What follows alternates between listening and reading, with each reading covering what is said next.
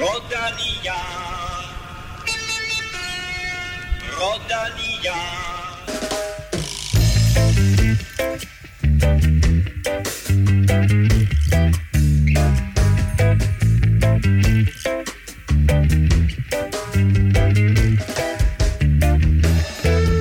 Det er ikke engang en uge siden, vi var her sidst, og naturligvis har vi igen flotte danske resultater at berette om.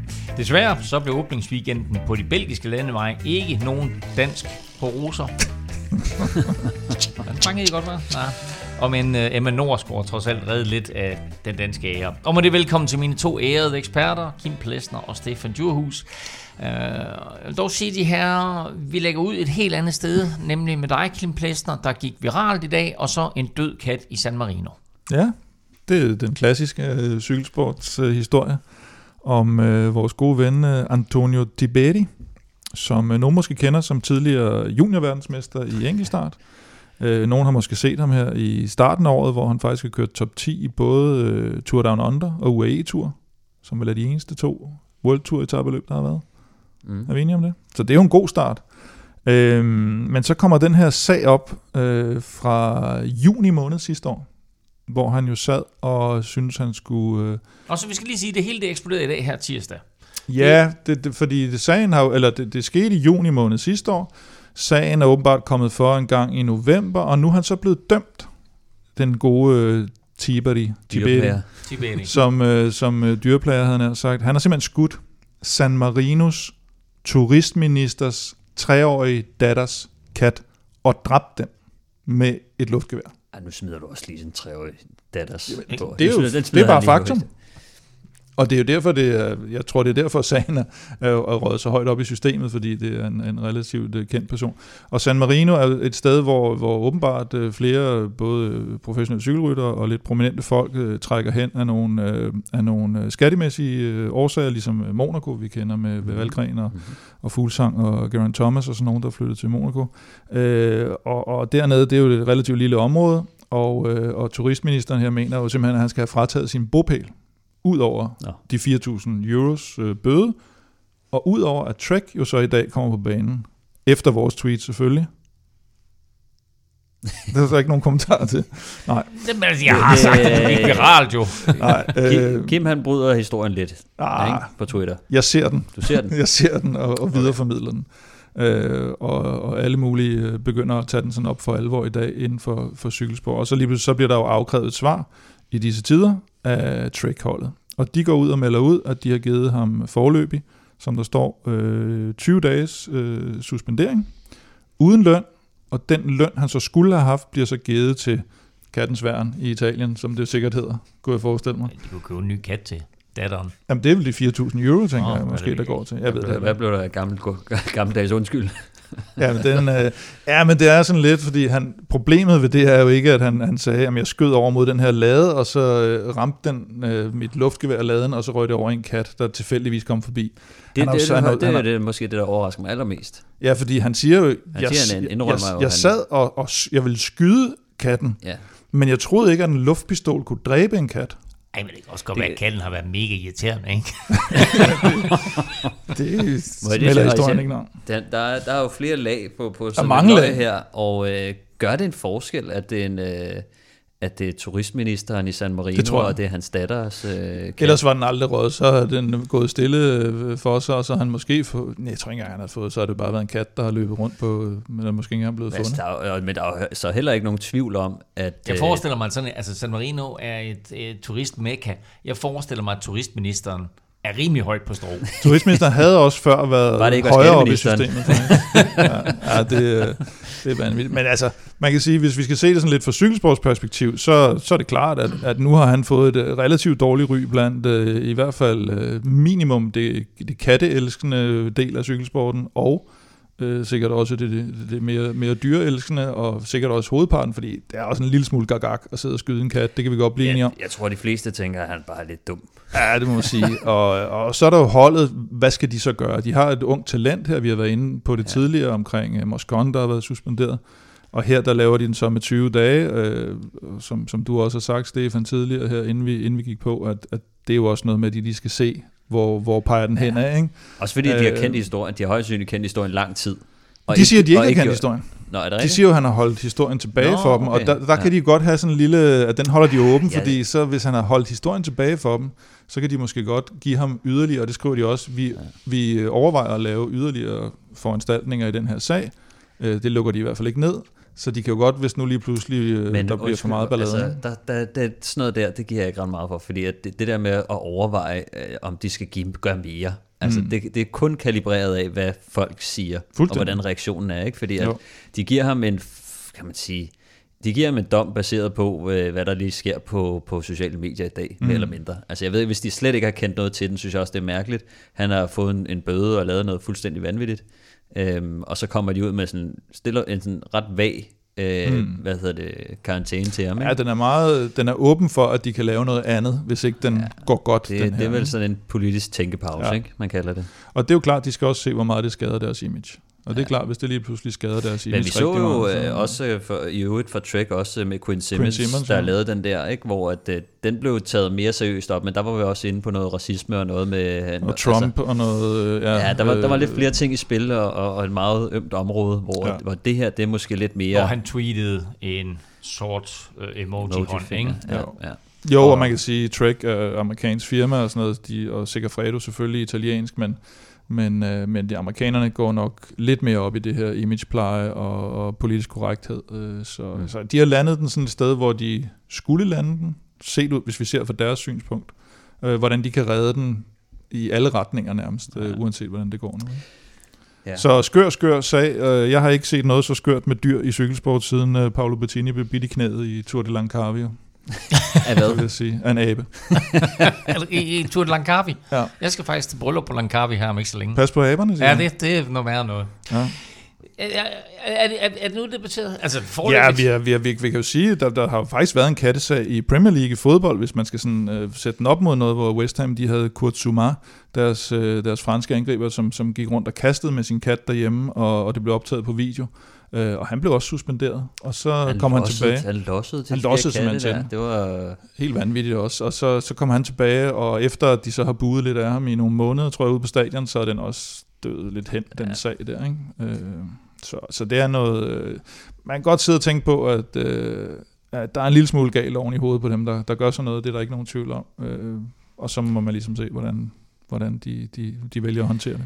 Ikke mere ikke mere om kat. Tiberi, ikke mere kattehistorie. Uh, nu skal vi til dagens udsendelse, som uh, jo blandt andet skal handle om weekendens Strade Bianche, som uh, vi naturligvis ser frem imod. Vi taler også om etabeløb Paris-Nice, hvor Vingegaard og Pogacar krydser klinger, og uh, så får du resultatet af Le Samin, hvor både herrerne og damerne har kørt i dag. Vi skal naturligvis quizze og uddele en kop til en af jer, alle jer dejlige mennesker, der støtter på tier.dk. Uden jer, ingen podcast. Tak til alle, der har været med i lang tid, og velkommen til en stribe nye støtter. Mikkel, to gange Anders, Hartvisen, Nils, Edelslund, Sebastian og Morten. Og øh, til dig, der sidder derude og mangler at tage din første føring, så er det måske et rigtig, rigtig godt tidspunkt at komme med på tiervognen nu her, hvor cykelsæsonen for alvor går i gang. Øh, og så sikrer du også, at vi ikke lige pludselig ender bag en betalingsmur som øh, Podimo eller lignende. Mit navn er Claus Elming. Du lytter til Velropa Podcast, præsenteret i samarbejde med HelloFresh. Look at the rampaging Jonas Vingegaard. He's on a different level. The Dane is absolutely flying at the start of this season, and he's only going to be getting stronger as well. Can he do it? Yes, he can. He's won his first professional time trial, Jonas Vingegaard, and in doing so, he's taken two victories on I forrige uge nappede Magnus Kort to etappesejre, og i sidste uge, ja, der trumfede Jonas Vingegaard den så lige med tre etappesejre og den samlede sejr i O Gramino. Gramino. Camino. Camino. Åh, O Gramino. Gramino. O Camino. Ah, O Gran Camino hed den. Øh, ja, altså, jeg har set kritikere sige, at øh, modstanden måske var for svag. Jeg siger, en sejr er en sejr, og Vingegaard så både skarp og motiveret ud. Eller fire sejre er fire sejre, kan man også sige. Ja, ja, altså. Øh, jo, men ja, det er lidt svagt. Han taber pointkonkurrencen ikke, øh, dernede. Ja, men nej, øh, hvad hedder det, spøg til side. Øh, Som vores gamle ven Morten Skødt skrev, det er også utroligt, det kan lade sig gøre. Man, Ja, ja, vinder, er man det vinder alle tre etaper og løbet samlet, men man vinder ikke på, på ja, konkurrencen. Ja. Ej, der, skulle virkelig, der, der er blevet gået til den på de indlagte spurter, må man formode. Nej, det er rigtigt nok, at øh, den næstbedste rytter, hvis man ser sådan verdensrangliste mæssigt, øh, var nummer 33, hvor, hvor Jonas jo ligger oppe i toppen. Men øh, en ting er at, at, at, at være bedre på verdensranglisten af det her, men, men at, at dominere så tidligt på sæsonen, det, det tror jeg faktisk, øh, eller jeg havde ikke ventet, du havde lidt ventet det. Var det ikke dig, der sagde et eller andet med, at nu ville han vinde øh, alle etaperne i, øh, i Det var sjovt, fordi vi talte i sidste uge om, hvornår det sidst var sket, at Ja. rytter havde, vandt, havde vundet alle Ja. etaper i et etabeløb, og så gør Vingegaard det kunne hjælpe med. Ja, ja. Det, det, det, det er sgu helt godt. Og, og hvis man slår Rowan Dennis med over et halvt minut på en enkelt start, så nærmest uanset distancen, så er det også godt. Det, øh, det, var, det var fuldstændig vanvittigt, sær- særligt på den der enkeltstart der, hvor når man så Jonas, altså han kørte voldsomt stærkt, mm. og han sad voldsomt godt på den der cykel der. Altså det var virkelig uh, smukt at se på. Og det, altså, det siger også bare, hvor, hvor langt han er kommet som, som uh, etabeløbsrytter. Først da han var god i bjergene, og så han, uh, han, han, han lægger de der enkeltstartsevner oven i hatten der. Han havde nærmest mm. hentet uh, Ruben Garrido øh, på, på enkeltstarten, som jo lå toer i, i klassementet inden, inden sidste etape. Ikke? Jeg sad også og tænkte på den med Rohan Dennis, og øh, jeg er ikke sikker på, at Rohan Dennis han er på toppen af, mm. af sit game øh, lige nu, men også fordi, at øh, han jo øh, går på pension, øh, eller indstiller cykelkarrieren i hvert fald øh, efter sæsonen her, så måske heller ikke hans øh, bedste øh, sæson, øh, der, der kommer nu her, men øh, må ikke han har sat sig et eller andet mål øh, senere på sæsonen. Jeg håber heller ikke, at øh, Jonas er på helt peak nu. Jeg håber, han gemmer den til, til juli Ja, måned. men- jo, men jeg synes virkelig, han er kommet godt fra start Ja, det må her, ikke? Altså, og, øh, altså, Når vi sad og roste Pogacar i Ja, ja, ja. sidste uge for hans vanvittige præstation, Ja, ja. ja. ikke? Og, og nu her kan vi jo gøre det samme med Jonas, ikke? så der er jo lagt i kakkeloven allerede. Mm. Vi kommer til at tale om Paris-Nice senere, mm. ikke? Altså, og, øh, hvor, hvor de to de skal mødes, og så er der selvfølgelig turen, som vi alle sammen ser frem til. Øhm, der var sådan set fire etapper i det her løb, øh, og han vandt de tre sidste og løbet samlet. Den fjerde etape, altså første etape, Kim, mm. den blev jo aflyst på grund af dårligt vejr. Ja, jeg sad og så den der, og man tænkte, men det så meget godt ud for Jonas. Der lå nogle, nogle rytter ude foran, og det kunne godt være, at man lige kunne hente dem til sidst måske. Eller, det så i hvert fald ikke alvorligt ud for ham, så, så ville komme godt fra start, og så lige pludselig så begyndte det bare at, at vælge sådan okay ned med sne.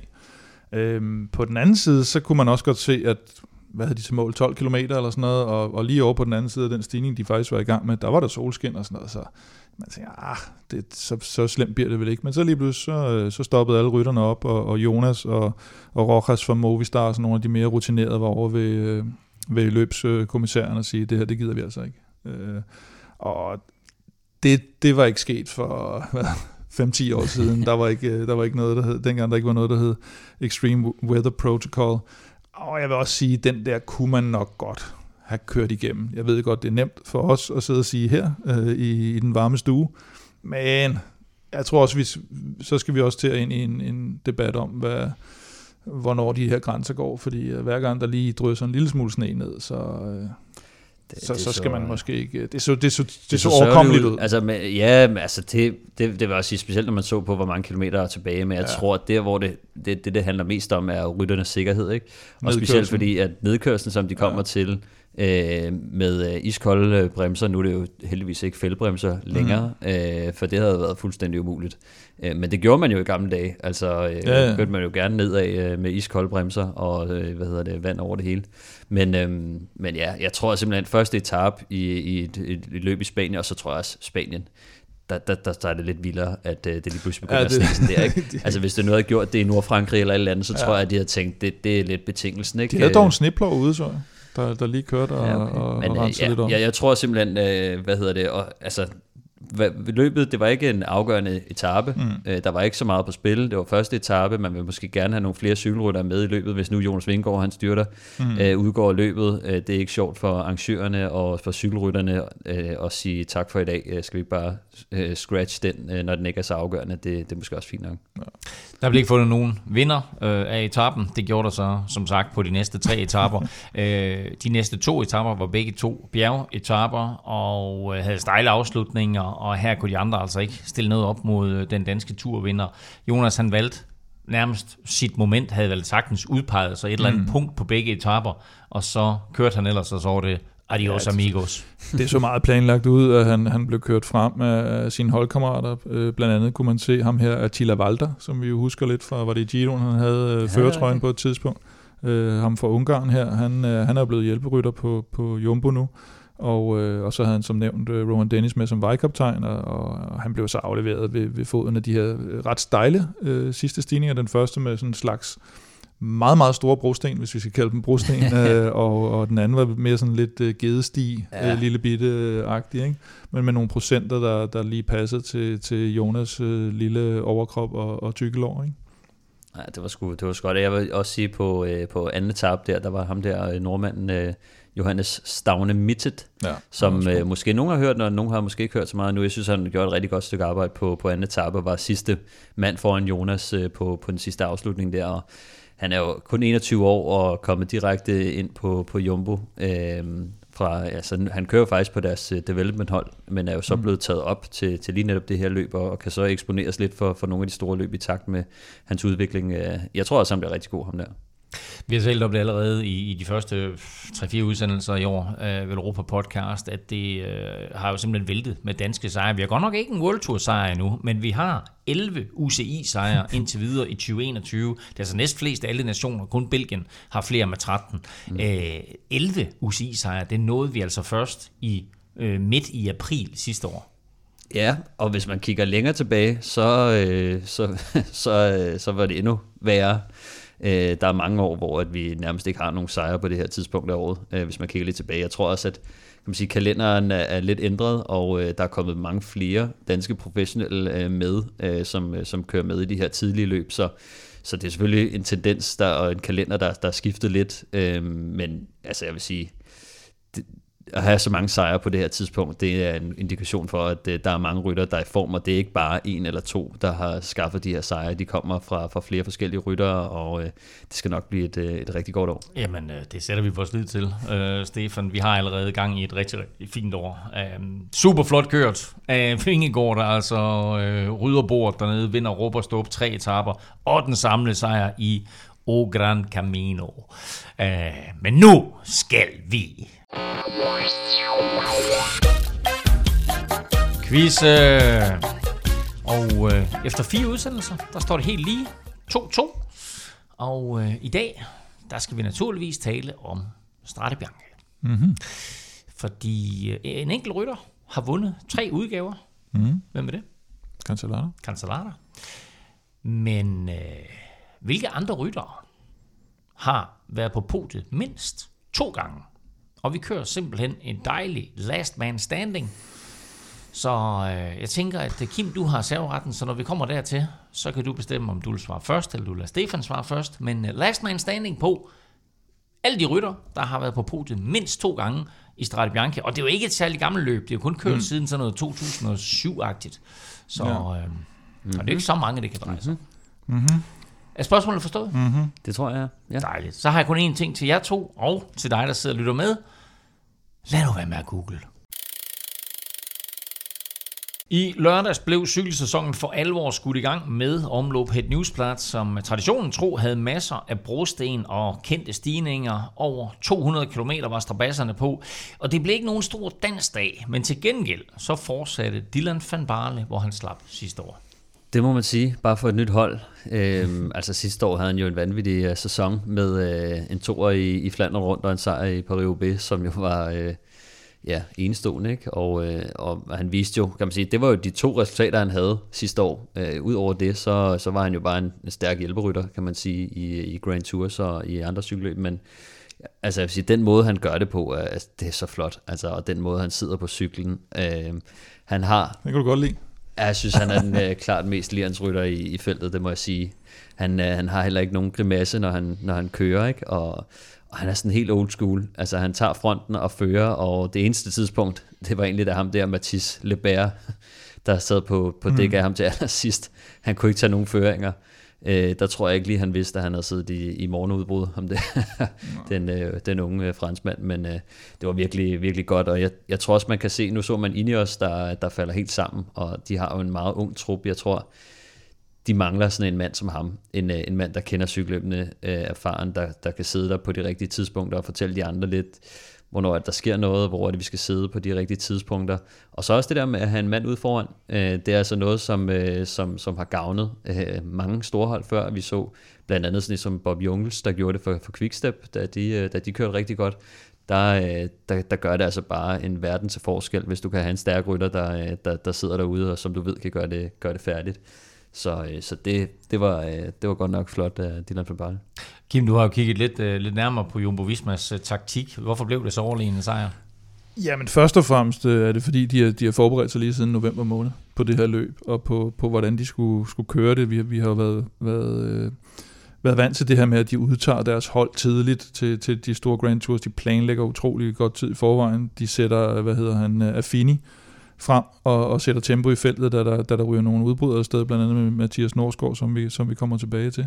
Og så, øh, da vi så rammer det her lange munde, øh, 2,5 km brostenstykke, så kører de seks andre ud af de syv jumbo så kører de i angreb.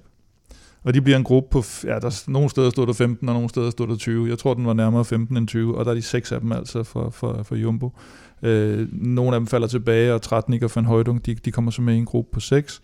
Og så øh, på Molenberg, der ikke var med sidste år på grund af noget vejarbejde, der, øh, der sidder de simpelthen, øh, man kan se, i tre mand i top 6, da de drejer ind på den og holder sig fuldstændig fremme.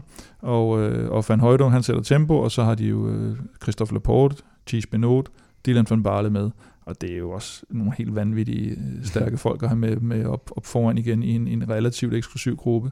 Og så udnytter Van Barle det her moment, jeg tror der er 38 km igen. Van Højdung sidder og fører, han kigger lige sådan tilbage igennem øh, armene, og kan se, at, øh, at øh, Van Barle kommer ud i højre side og lægger, lægger ind til et angreb, og så stopper han med at træde, og så får han lige det her moment, der skal til.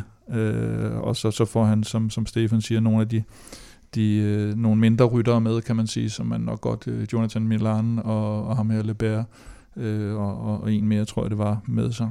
Øh, og det, det er helt fantastisk eksekveret, altså, og, og som de siger, også selv siger, det hele går op i en højere enhed, øh, men de sidder også og undrer sig over nogle af de andre hold, de nævnte specielt uh, Lotto Destiny, der har Arno de lige som måske den største favorit i løbet, at, at de ligesom ikke har noget modtræk, de har ikke rigtig nogen taktik på dagen, virker det som om, at de kører mere sådan øh, lidt tilfældigt, kan man sige. Så så jeg også, øh, hvad hedder det, øh, en, en sportsdirektør eller chef for, Jumbo Visma, der nævnte det her, og, og Stefan, virker ikke som raketvidenskab, men at det drejer sig for dem om at komme i overtal hele tiden. Mm. Og øh, man tænker, at selvfølgelig gør det det, men det er vel nemmere sagt end gjort. Ja, det er meget nemmere sagt end gjort. Jeg vil sige, at de samtlige cykelhold, øh, de, de prøver at skabe en overtaget situation. Øh, Det er særligt noget, som, som man ser i forhold til de største hold, og styrkeforskellen imellem dem. Øh, Vi kunne tage for eksempel Quickstep og Jumbo. Øh, Der, mm. der ved jeg, altså der, der er det meget, betyder det meget for dem, at hvis, øh, altså de, kan, de kan måske på en, øh, på, en, på en almindelig dag eller en dårlig dag øh, nøjes med, med, at den er 1-1, men som oftest så går man efter at prøve at sætte, øh, sætte en, en overtalssituation op i forhold til, til de andre. Og det synes jeg, det, det lykkes øh, Jumbo jo øh, rigtig flot med, og det gør jo bare, at man kan begynde at spille sine kort øh, i finalen. Ikke? Mm. Og øh, jeg vil også sige, altså det, det, det er jo en helt standard øh, ting, det er bare svært at eksekvere, øh, og ofte så ender man med at, at slå den af på, at, øh, at man har en fra, fra hver, ikke? Øhm, og så håber man bare på, at man har den stærkere mand øh, siddende derop. Men, øhm, men Det, altså, det lykkedes dem her, og når vi skal tale kørende, så lykkedes det dem jo faktisk også øh, der, øh, og, og de vandt begge løb. Øh, andenpladsen her i, i omløb Het Newsblad, den gik jo til øh, det belgiske stjernefrø Arno Delis. Mm. Han bliver altså vild. Han er allerede vild, kan man sige, ikke? Men, øh, men, men ja, jeg tror også, han går en lys fremtid i møde, særligt de, de næste par år i hvert fald, øh, hvis, han, hvis han fortsætter sådan der. Ikke nok med, at vi så sidste år, at, øh, at han, han var sindssygt hurtig på stregen, og også tog jo ni sejre og rigtig mange topplaceringer, særligt i slutningen af sæsonen, hvor at øh, Lotto de var ude med riven efter, efter UCI-point, så var han jo deres øh, eneste håb nærmest. Øh, men altså, hvis man lige kigger på ham, han er jo kun 20 år gammel, øh, og den måde, han kører på, han er sindssygt stærk oven i hatten, og det er noget, som øh, jeg, jeg, jeg tror, der var mange, der ikke helt vidste, og inklusiv mig selv, øh, altså den styrke, han lige viser indtil videre, den er, den er overraskende. Jeg, jeg så i Etoile Men når du siger i hatten, så mener du både fysisk og mentalt.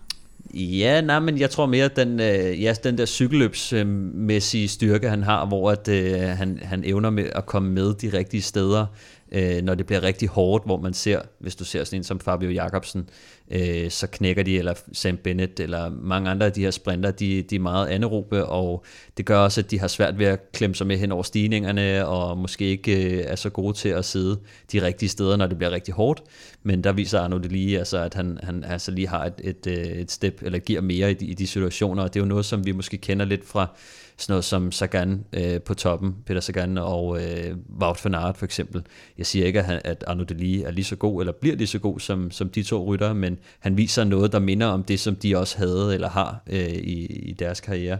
Og det er lidt vildt, for det er ikke første gang, jeg hører den der sammenligning med, øh, med Arno Delis og Peter Sagan. Mm. Øh, det, er, det er store sko at skulle øh, træde op i, men, ja, øh, men han, der... øh, han, han har gjort det godt, og som, og som du sagde, han er altså kun 20 år gammel. Ja, der er lang vej igen til, til, til, til det er klart, til, til Sagan og, og Wout van Arts øh, resultater, men øh, jeg så særligt den etape, hvor Skelmose vinder i Etoile de Passage, der, øh, der sidder Arno lige faktisk i føretrøjen og prøver at jagte øh, Nelson Paulus og, og Skelmose. Han knækker godt nok til sidst, og tror han bliver nummer 8 eller sådan noget på den der øh, lidt, øh, den der rimelig øh, stejle øh, bjerg til sidst, som slet ikke ligger til ham, men altså bare det, at han sidder og prøver at jagte de rytter, og faktisk langt stykke hen ad vejen, øh, er ret tæt på dem, det sad jeg og tænkte, hold da op. Altså, det, mm, det, det gør man ikke øh, bare sådan lige. Altså, øh, så, så tung en rytter som ham. Og vi så ham jo øh, i starten af sæsonen slå Mads P. i en spurt. Det var ja, også, netop. det var også altså, lidt, hvor man tænkte, okay, det var alligevel vildt nok det der. Ja, det er noget, som vi ser. Det, det er noget, Mads ja, det er, noget, er rigtig, rigtig god til, ikke? Og, øh, og det, det, det, det, ja, det bliver vildt. Altså, og jeg tror også med, i takt med, at de begynder at læne sig mere over til ham, og, og han begynder at få lidt mere selvtillid, så, så tror jeg, han kommer til at lave nogle vilde ting.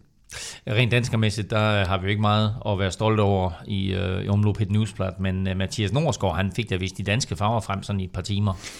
Det vil blive en tradition, at uh, i nogle af de store løb her, der uh, klassikere, der, der skal han afsted og i udbrud, morgenudbrud, og så, så ser vi, hvordan det går, og så får han da i hvert fald kørt løbende forfra, i stedet for at sidde mm. og hænge nede bagved i feltet, så, så en, en meget god måde at lære de her løb at kende på. Øh,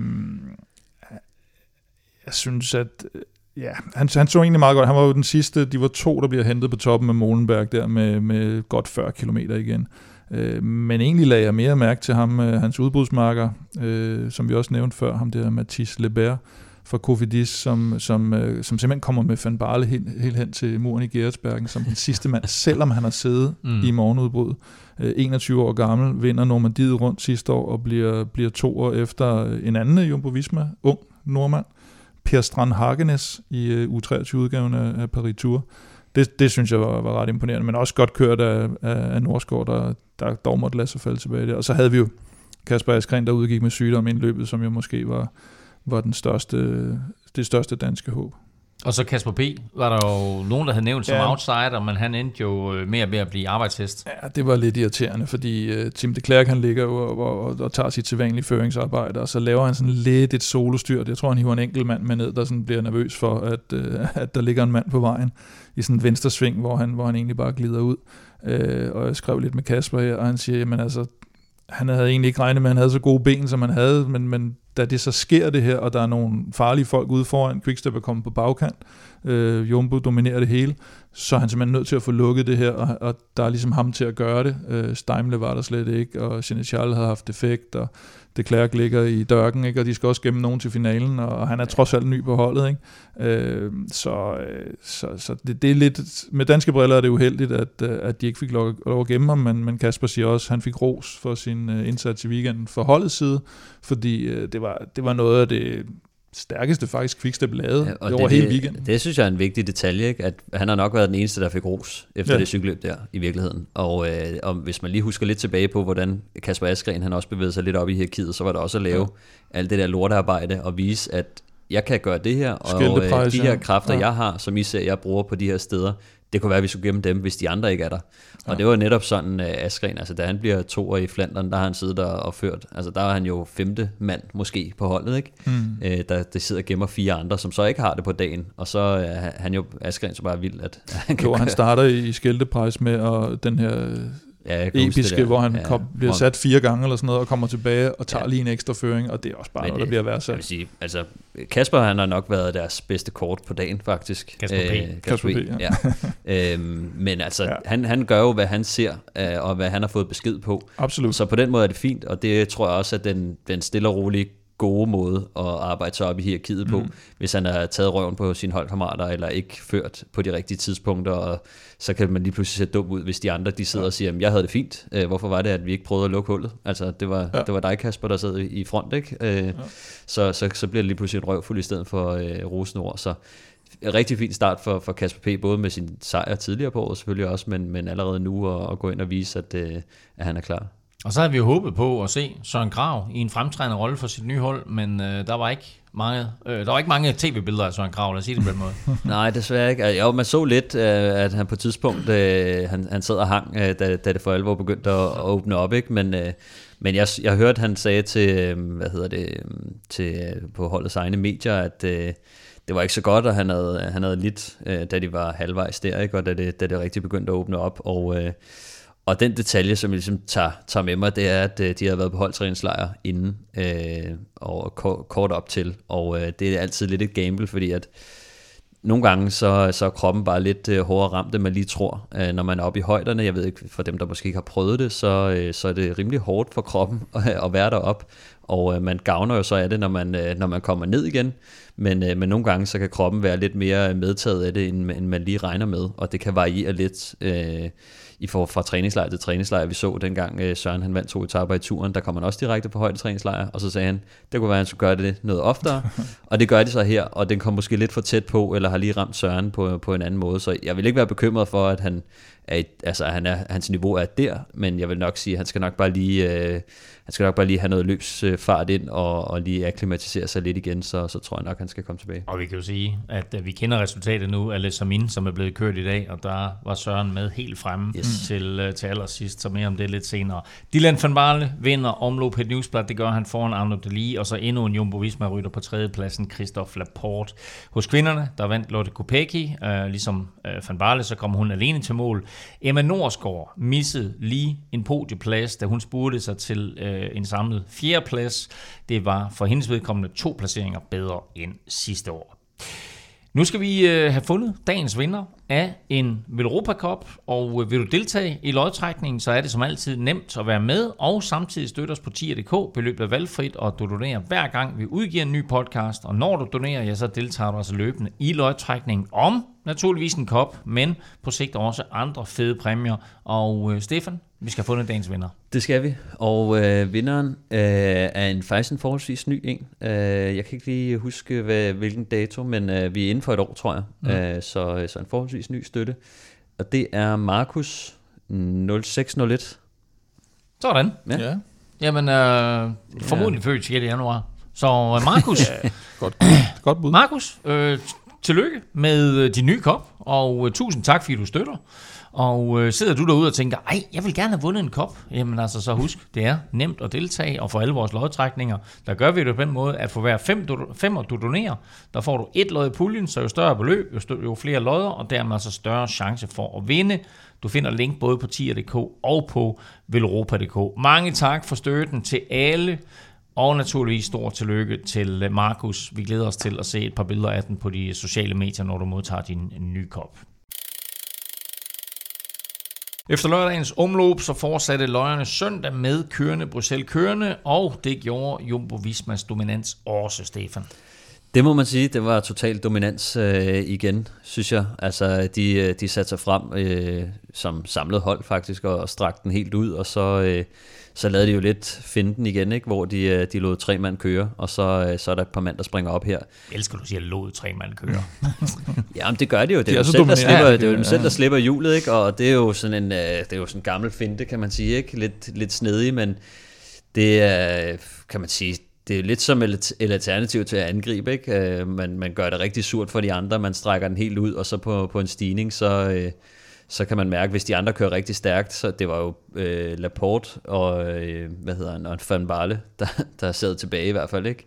Så, øh, så må ikke de kunne have siddet med, hvis de virkelig gerne ville, men det, de skaber jo en chance for deres holdkammerater, og hvis der er nogen, der, der så skal på arbejde og lukke hullet, så, så trækker de jo formentlig øh, dem med tilbage, så den her gang, så, så var der et par få mand, der, der sprang med, og, øh, og så ender det jo med, at, øh, hvad hedder han, øh, det er jo Van Højdonk, øh, Tisbenot og øh, Jan Tratnik, som øh, er, er en ny mand på, på holdet.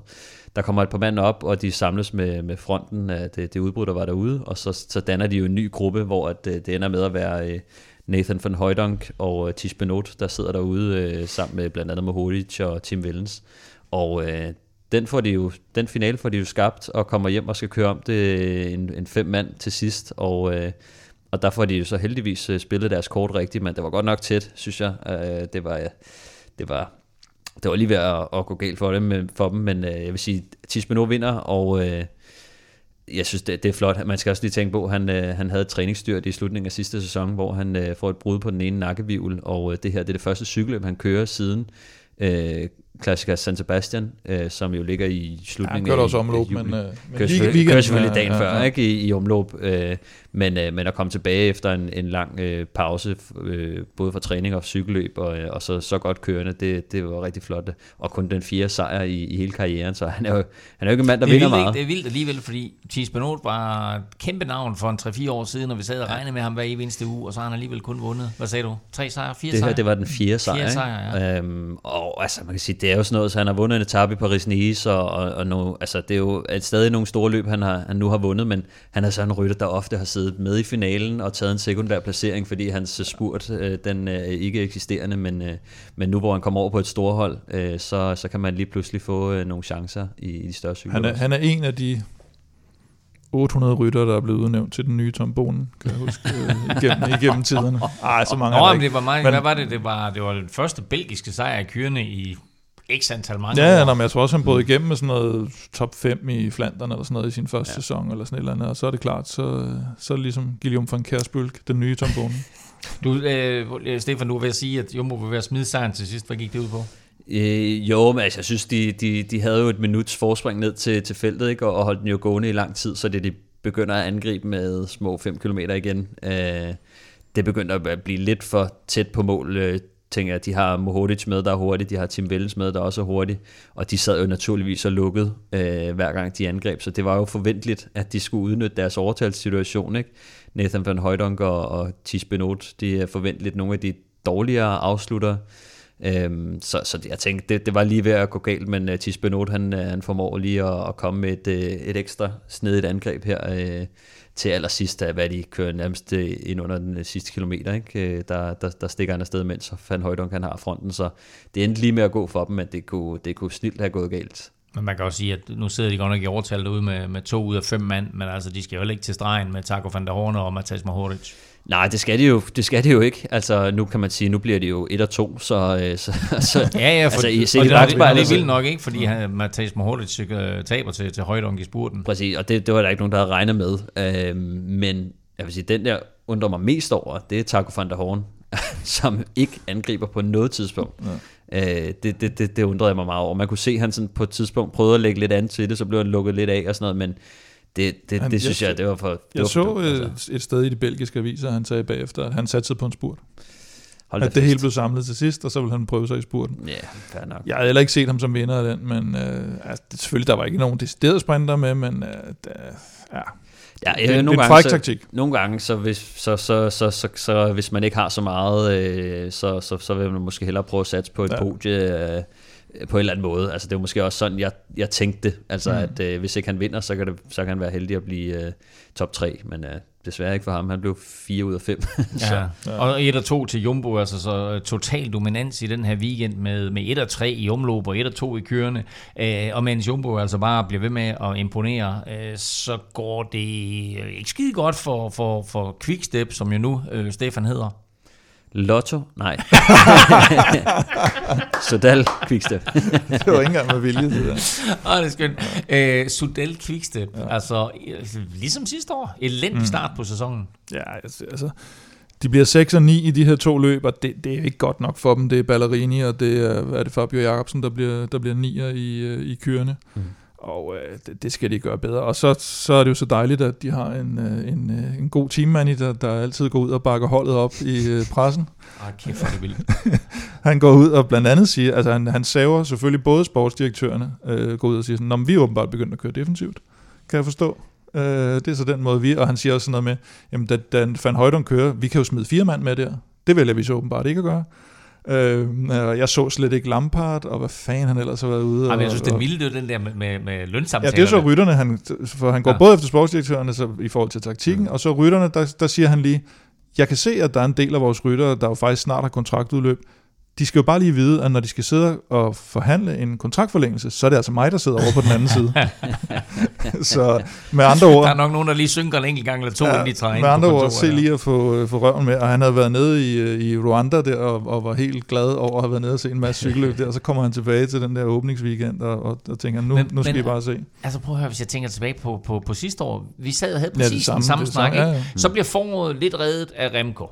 Han vinder Liège Bastogne Altså Fabio Jacobsen vinder kørende sidste år, kan man sige, men det er jo så tidligt, at den har man næsten glemt, når man når til de store løb, og der falder de så relativt meget igennem. Og så var det den samme snak nemlig, og hvor Lefebvre hele tiden siger, vent nu og se, sæsonen er ikke overstået endnu. Den er og så bliver de reddet af, af Remco i Liège på en eller anden måde. Ikke? Ja, jeg tænker, altså hvis man kigger på øh, ranglisten lige nu, Mm. øh, altså nu har jeg ikke lige tjekket her efter Jeg tror, det er 3-4 men stykker eller sådan noget. Ja. de lå nummer to inde ja. øh, på ranglisten. Og det er jo så takket være Tim Allier, Remco, øh, Alaphilippe, Ja, ja. øh, Kasper P. De, har, de har flere primært unge ryttere, eller, eller mm. kan man sige nye ryttere, der har, og så selvfølgelig Alaphilippe, men de har scoret mange point, mm. men der, hvor de rigtig gerne vil præstere, det er jo, i, det er jo på hjemmebanen. Sudal og Quickstep, det er hjemmemarkedet. Det Præcis. er, hvad er det, det er noget byggemarked og noget gulve eller sådan et eller andet. Præcis. Ikke? Ja. De skal altså have noget eksponering øh, på, på, Men- på brostenene og. Hvis hvis man ser på det, altså nu sidste år var, altså nu vil jeg også sige, vi holder jo Quickstep op til den højeste standard. Altså det er jo det, Ja, vi gør, fordi at vi har været vant til at se dem i, i så mange år. Men sidste år var jo decideret horribel. Altså der, var, der var virkelig ikke noget at, at råbe hurra for. Altså hvis, man ser på... på Men der at høre, altså, øh, de har en mand i top 50 i omløb. Jo, jo, og det er jo, men, men det er jo også et udslag af, og det gjorde de jo allerede sidst, altså det sker jo allerede der, da de skriver kontrakt med Remco, kan man sige. Så er de simpelthen nødt til at omdefinere det her hold. Altså de, han er så stor en stjerne, og der kan man sige, det er ikke bare den nye Tom Bonen, det er jo den nye Eddie Merckx, han bliver kørt frem som. Og, og hvis de vil satse så meget en, på ham... En af de 800, eller? Ja, en af de 800, Ja. der så er blevet kaldt det. Men hvis de vil satse på ham, så er de også nødt til at gøre det ordentligt, og de hapsede ham for snuden af Ineos, og, og hvem mm. det ellers var, der lige pludselig gav ham kontrakt, øh, lige efter han var, var, var juniorrytter, ikke? eller nærmest var juniorrytter. Øhm, og, og, og, i forvejen havde de Alaphilippe, to gange verdensmester, som heller ikke, han kan godt køre Flandern, men, men han er ikke en, en decideret brostensrytter.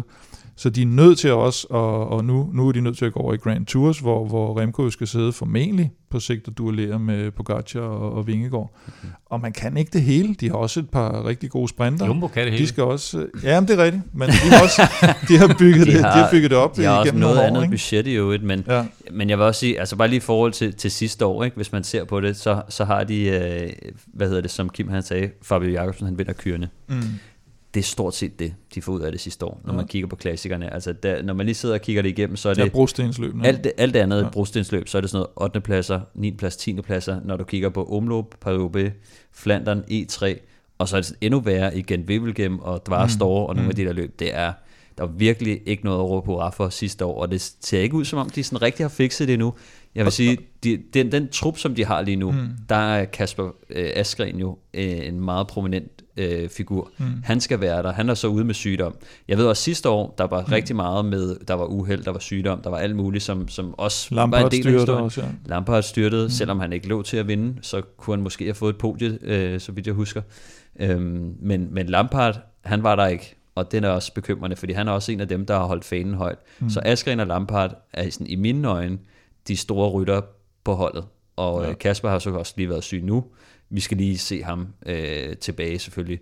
Lampard var lidt bekymrende. Florian Seneschal havde også lidt uheld, mm. men var der heller ikke rigtigt. Og så er der Ballerini, som jeg vil Han sige, bliver sekser, ikke? Og det er okay. og, altså, det er en seks, men det, det, det, som jeg også mener, det er, at hvis du selv hvis du kigger tilbage i 2021-sæsonen, mm. der havde de faktisk en god sæson, men hvis man kigger lidt igennem i sømne, så var det på et mere usikkert grundlag. Det var ikke sådan, at de dominerede cykelløbene, mm. men de slap afsted med det, fordi de fik nogle sejre i ny og næ, men det var mere enkeltmandspræstationerne. Kasper Askren. Det var ikke sådan, at holdet Altså, de, de smadrede det hele, eller bakkede en rytter op, der vandt det hele. Nej, det var de er sådan netop- nogle øh, enkeltmandspræstationer. Og lige nu ser det bare ud som om, at altså, når de ikke, der, der, det er ligesom om, der er ikke rigtig nogen, der, der er der lige nu. Mm. Øh, og, øh, og før i tiden, eller tilbage i 21-sæsonen, så var der i hvert fald en, der var der på dagen. Mm. Og lige nu, så er det sådan, øh, så mangler de bare øh, lidt, lidt det hele, fordi at lige nu så er det jo Jumbo, Jumbo Visma, der overtager den rolle, som de havde, og kører snotten rundt i hovedet på dem. Ja. Øh, Og, og skaber overtallet. det- der, der er ingen chance for, at, at Quickstep sådan lige forløbig kan gå, kan gå, kan gå forbi og tage fronten, når, når Jumbo de lukker op for sluserne. Nu må vi Og se med, nu må vi se med Strate på, øh, på lørdag og med Jo, Ala, men det er jo- Ala Philippe. Så er det jo Alaphilippe, altså ja, det er jo ja. det. Altså, så det, Så det, det skal noget være Alaphilippe og, og lidt noget andet, hvor, som de skal høste succes på Men lige det er jo også derfor, at, at Patrick Lefebvre bliver så sur, Mm. selvom man kan sige, at de gør det godt alle mulige andre steder. Så skal de også gøre det godt der på hjemmebane, for det, det, det, det, bliver han sur over, uanset Ja, synes, om, hvor sidste- godt de gør det andre steder. Sidste år, der hoppede han lidt, lidt mere på historien om, at de havde mange uheld. Ja, Synes ja. jeg. Altså, der var det meget sådan en med, at ah, vi kan sætte med heller ikke mand og sygdom Og og, der viste han styrt måske og også en smule mere tålmodighed. Ikke? Han blev ved med at sige det der, Der med, han ved lad os der- nu der- bare vente der og se, forsvarede han og holdet, ja. Men jeg tror, han er, jeg tror, han er træt af, når man kigger på både sidste år, og hvordan vi starter i år, mm. der tror jeg, han begynder at blive ret bekymret i forhold til, altså, hvad, hvad der lige der foregår. Ikke? Og mm. selvom de ikke har et så stort budget, så har han da i hvert fald sagt, at hans trup til, til klassikerne, det er Senechal, Lampard, Askren øh, og øh, Ballerini. Ja. Så det er de fire mand, der skal, der skal skaffe det for dem, og så kan de blive bakket op af nogle yngre øh, talenter. Ikke? Mm. Men øh, ja, vi, Altså, vi på, må den, se. på, den, på den måde, det går nu, der, der får Kasper Peter øh, chancen på et tidspunkt. Det må man formode. Det tror jeg også. Vinder af øh, kørende blev Thies Benot, og det gjorde han foran øh, sin holdkammerat Nathan van Højdonk, og så altså med Mathias Mohoric på tredjepladsen. Nu tager vi lige en øh, nyhedsrunde, og vi åbner simpelthen med øh, to helt aktuelle resultater, fordi øh, løbet af Samin er lige færdig hos både herrer og damer. Og øh, hos herrerne, der havde vi faktisk Kasper Askren, Andreas Stokbro og Søren Krav med helt frem i finalen. Men Stefan, det blev alligevel ikke til en dansk podieplacering. Blandt andet fordi Askren han lagde sig i asfalten. Ja, altså du, du, måske, måske var han også, de var jo lige blevet hentet der, ikke? Og han var måske lidt, lidt træt, men jeg er glad for at se faktisk, øh, efter, en, efter et par dårlige dage, øh, at øh, Kasper Askren og Søren Krav faktisk sidder med fremme i et cykelløb. Og vi kan lige sige, at med 3 kilometer igen, der er det hele samlet, mm. og så stikker Søren og Kasper kommer mm. med, og en syvmandsgruppe kommer afsted, som så bliver hentet kort før mål. Det bliver hentet, ja, men altså helt langt udefra, altså i hvert fald de sidste 50 km, der er mange angreb, og vi ser øh, Kasper Askren køre stærkt, vi ser Søren Krav være, være på toppen, ikke? Så fint at se, at de faktisk øh, har noget fart, vi ved. Søren, han har kommer fra det her højdetræningslejr, øh, viser lidt form nu. Mm. Kasper Askren har haft noget sygdom, han, han ser også ud til at være rimelig stærk. Han lukkede et godt hul der, ikke? Ja, Fra, det gjorde fra gruppe 1 til gruppe 2. Der. Det må man sige. Så, så de, har, de har, hvad der skal til, tror jeg, eller i hvert fald for at få en god forårssæson, øh, selvom det ikke lige flasker sig her. Men altså, øh, det, øh, det, det, det, det blev lidt anderledes og meget ærgerligt med, med Kasper Askrens øh, styr der til sidst. Jeg tror, de bliver hentet, og øh, der kommer nogen, der, der overhælder. Det ser ud som om, at Kasper Askren han rigtig gerne vil prøve at hoppe med, for at se, om han har lidt til spurten, men... Øh, men der kommer lige til at ramme et forhjul og, og en anden rytter, og så, så ender han med at, med at stå på snotten der. Og det, det, det, nogle gange, når man, øh, når man sidder og blæser ballonger, efter, øh, efter at have lukket huller og kørt, øh, kørt fuld knald, så, øh, så er koncentrationen ikke lige super god, mm. så det, det er lidt Han, han så meget ærgerlig ud, Kasper Askren, også fordi jeg tror faktisk, han måske havde håbet på at kunne køre med i den spurt der.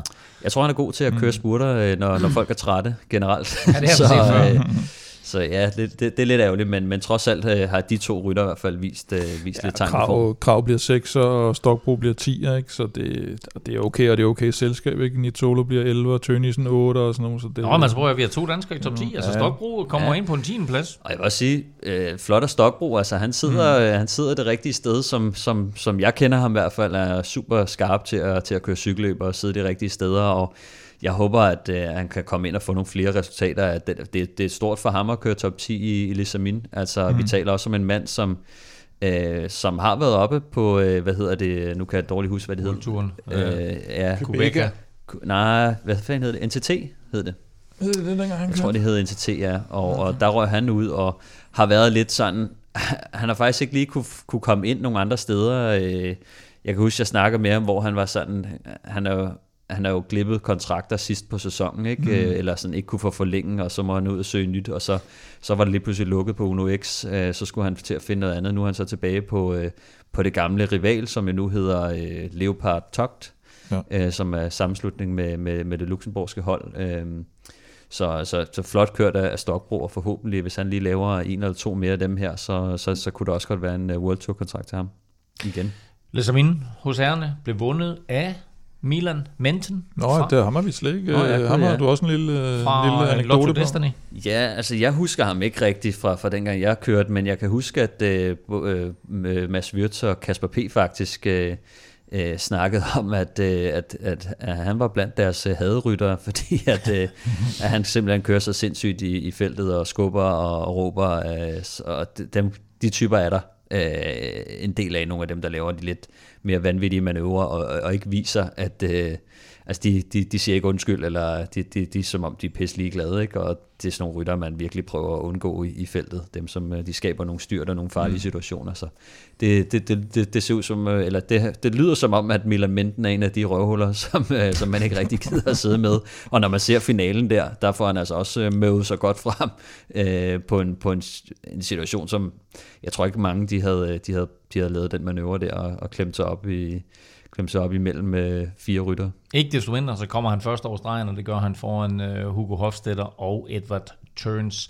Hos øh, kvinderne, der vandt Marta Bastianelli, og det gjorde hun i øvrigt foran øh, to landsmænd, så fuldt italiensk podie hos øh, Ja, kvinderne hvor i den nummer to er for Uno X øh, kvindeholdet i øvrigt. Men italiener. Men italiener, Ja, ja, ja. ja. det er hun stadigvæk.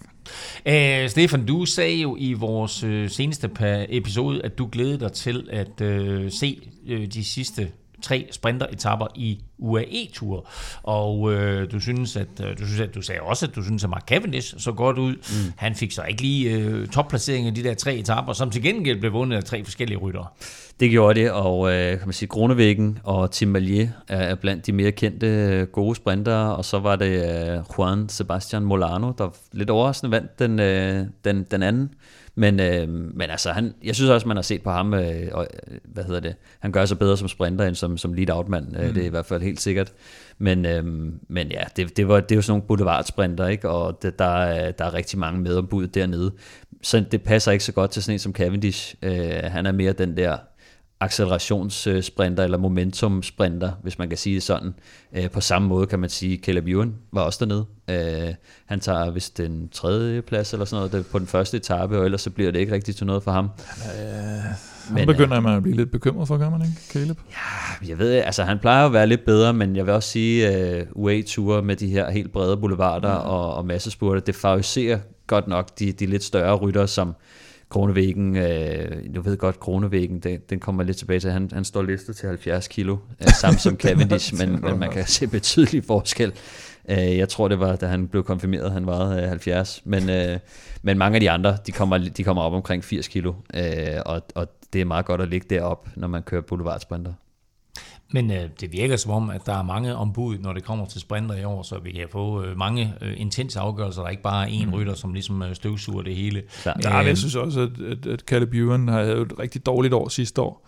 Øh, lå jo ellers godt til der, var det i Gio'en i, på den første etape og falder ud, og så, så kører er året rigtigt. faktisk lidt dårligt. Og nu har de altså Arnaud Delis lige pludselig, der kommer og banker på bagfra. Ikke? Jeg, tror, jeg tror ikke, presset er blevet mindre på ham. Søndag skulle øh, UAE-tur afgøres. Klassementet skulle sendes endelig på plads, og øh, vi vidste jo, at i og med Tadej Pogacar, han ikke var med, at så skulle der for første gang i tre år kors en ny vinder. Til gengæld så ved vi også, at Adam Yates, han er rigtig, rigtig dygtig til Fandt at køre den der øh, Jabal Khafid. Fandt vi ud af i quizzen uh, i sidste uge, at, øh, at han har været god i UAE-tur. ja. Han havde været sådan en lille smule på bagkant, og UAE havde faktisk i det hele taget været lidt på bagkant i deres eget løb. Først Pogacar, der ikke er med, så får de den her sejr til Molano, og nu får de faktisk også den sidste etape ved Adam Yates, øh, der vinder foran, foran Remco.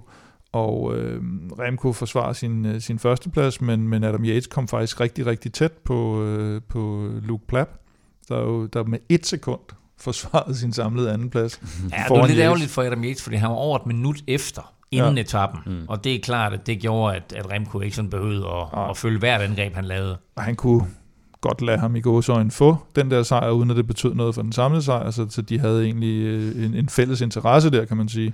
Øh, Plapp, han, holder jo så, han kommer så til mål sammen med Pelle Bilbao, som er ham, han ligesom mm. holder øje med, men han aner jo ikke rigtig, hvor meget Adam Yates faktisk har fået, så det, det er rimelig heldigt, at han holder ham med et sekund, og og hvad hedder det, og, og, og Pelle Bilbao, han øh, tror jeg fire sekunder efter, ikke? Så, Ja, så fed, fed placering for Luke Plapp. Helt klart, og, og, og jeg synes, han kører et, et vanvittigt flot uh, UA-tur, sidder altså rigtig godt fremme i, uh, i, altså i, i mange af de her, uh, kan man sige, specielt i starten, hvor der var sidevind, ikke? Uh, han, han har kørt rigtig stærkt, men jeg synes, ja. det, var, det mest interessante, synes jeg faktisk, er Adam Yates, der kører snotten rundt i hovedet på Remco, på mm. den der stigning til allersidst. Altså, det, det, jeg synes bare, Gjorde det var, han det? Ja, det gjorde han. Okay. Øh, jeg ved ikke, om du har, hvis du har set den hele, altså han, at Adam Yates, han gør, eller, han gør det jo i sædvanlig stil, hvor han bliver ved med at angribe. Ja, øh, bare på sig trykker selv, ekstra, Bare trykker, ja. trykker, og rykker væk i et sving, hvor man bare kan se, altså Remco ser ham køre forbi, og med det samme, han kommer op på siden, så kan man bare se, at Remco han kigger bagud, og det gør man ikke rigtigt. Nej, det gør man Hvis man skal til at forsvare, han tænker, der, der, jeg er færdig. ja. øh, og han var jo helt, det, det var også varmt, ikke? Men, men man kunne se, at Remco, han var sådan helt, puh. Og det synes jeg bare, det, nogle gange så kan jeg godt lide at se nogle af dem, som, som sidder og dominerer cykelløb og, og, og vinder det hele, at det, de nogle gange får en, en justering, fordi det gjorde han ned med med der. Selvom han, altså, der var jo ikke mange sekunder, han tog, men, men han får knækket Remco øh, godt og Mm. grundigt, og Remco han er også, altså, kan man sige, i, i, i andre cykelløb vist, at han kan køre rigtig stærkt opad, men, men der er trods alt alligevel øh, en lille smule forskel på sådan en, øh, en klatrer som, som Yates og nogle af de der sådan helt rendyrkede klatrer, øh, mm. og, så, og så Remco Evenepoel, fordi at og det er det, er det der med at have det Ja. der punch, vi kan huske, uh, Contador, han var også en af dem, som ja. ikke traditionelt klatrer på den måde, uh, men, men han, skulle, han skulle gerne køre den ujævnt, og, ja, og få ja. folk ud af rytme, ikke? Og det er sådan noget, som jeg tror, at, at Remco, han skal, jeg ved ikke, om man, man kan arbejde på det, men uh, Man skal nok arbejde på at have is i maven, når det sker Ja. i hvert fald, at man ikke øh, lige pludselig går med Ja, på en eller anden galej. Og, Præcis, og det, og det er en helt anden ting, men uh, Geraint Thomas er jo samme type, så det, betyder, det betyder ikke, at man uh, er dårlig af den grund, men man skal bare tænke over det. På samme mm. måde så husker jeg også, at uh, Geraint Thomas i turen, han hoppede med på galejen med, uh, da, hvad hedder det, Roglic og Jonas Vingegaard og Pogacar begyndte at angribe mm. på hinanden. Der sad han og lukkede for alt i verden, hvor jeg sad og tænkte, hvad laver du? altså, du skal jo ikke køre det der game der, men ja, sådan er det. Ja.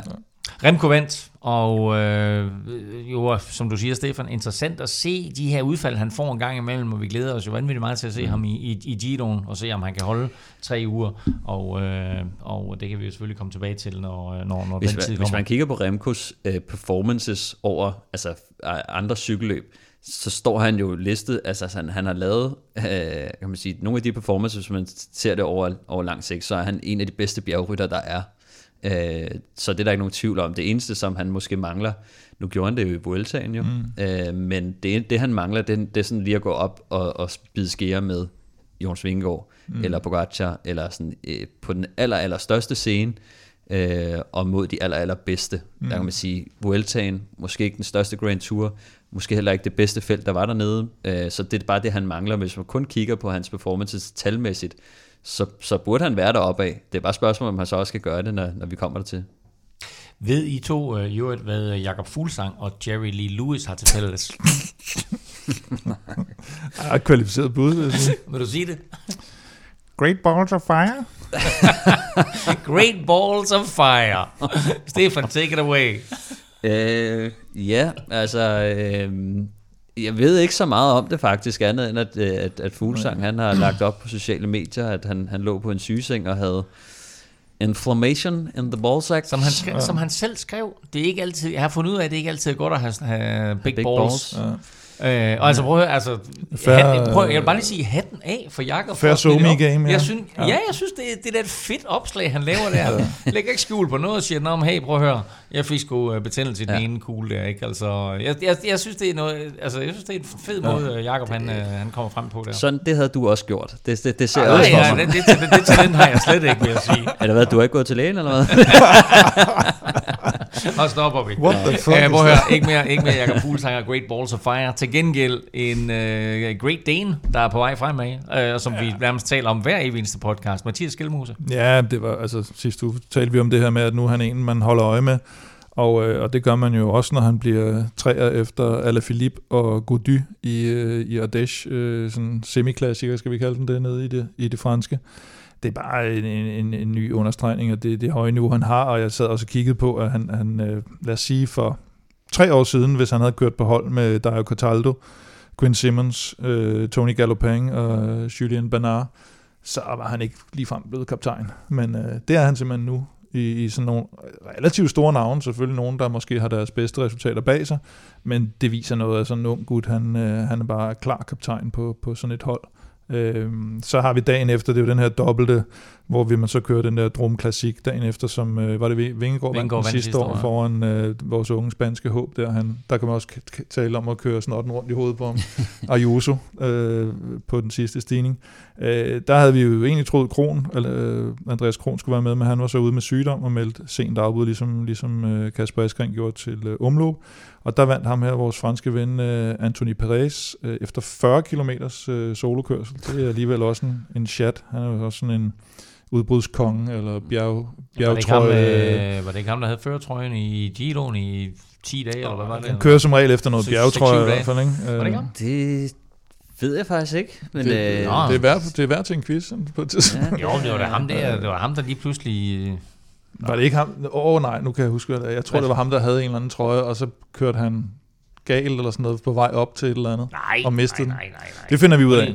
Google ham, Stefan, du må godt. Du må godt google. Ja, men jeg, Ja. ja, nå, Nå, okay. så kan du lige fortælle så, videre. Så vinder jeg nok også quizzen. Gå lige ind og tjekke uh, Strade, Strade Bianche top Nej, 3. jeg gør det, vi gør, jeg gør det ikke. Men, Nej. øh, Øh, men øh, Skelmos igen bliver 6'er, og så Frederik Vandal 17, og øh, Frederik Vandal, ham synes jeg, man begynder at se mere og mere fremme. Altså starter jo helt klart øh, sin, sit første år hos Bore, som øh, det vi vil godt kan kalde frontsvin, uden at, Ja. øh, at, at fornærme nogen.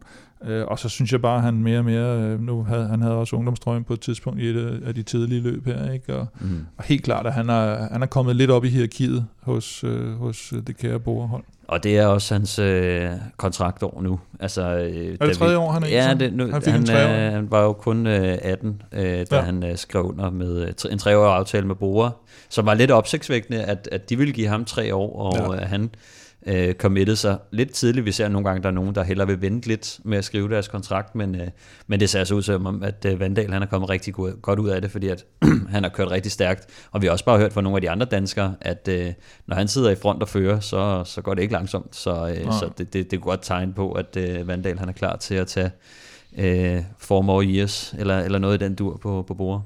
Har du fundet ud af, at jeg havde ret, eller? Nej, jeg kunne ikke lige finde Nå, det. okay. Øh, der var et, der var Det et betyder, at, øh, han ikke Nej, havde. Nå, men vi slutter lige, øh, vi slutter lige med at, at tage smut indendørs. Ja, Fordi øh, helt over i Indonesien, Mhm. mm-hmm. der var der nemlig masser af medaljer, Stefan, til de danske baneryttere. Det var der. Øhm, vi, havde jo, vi havde jo nogle år at køre, og øh, det blev jo øh, en guldmedalje til vores øh, 4 km hold, øh, som jo stiller op i en lidt alternativ øh, opstilling. Øh, det, er, det er nogle af de unge drenge, der, der er kommet ind og, og kører sammen med Rasmus Lund, som nok er den eneste, jeg vil ikke kalde ham gammel, men en af dem, der har været med før. Øh, og de vinder guld her, og man kan sige, selvom om, om de andre ikke stiller med det stærkeste hold, så er det sådan lidt, kan man sige, næste generation mod næste generation også, ikke? Altså, de andre stiller ikke op med deres øh, OL-hold, øh, ligesom Danmark heller ikke gør. Øh, så det, at, at Danmark viser, at, øh, at, kan man sige, jeg vil ikke sige anden holdet, fordi dem, der kører mm. her, de er også spejlere til at være med på OL-holdet.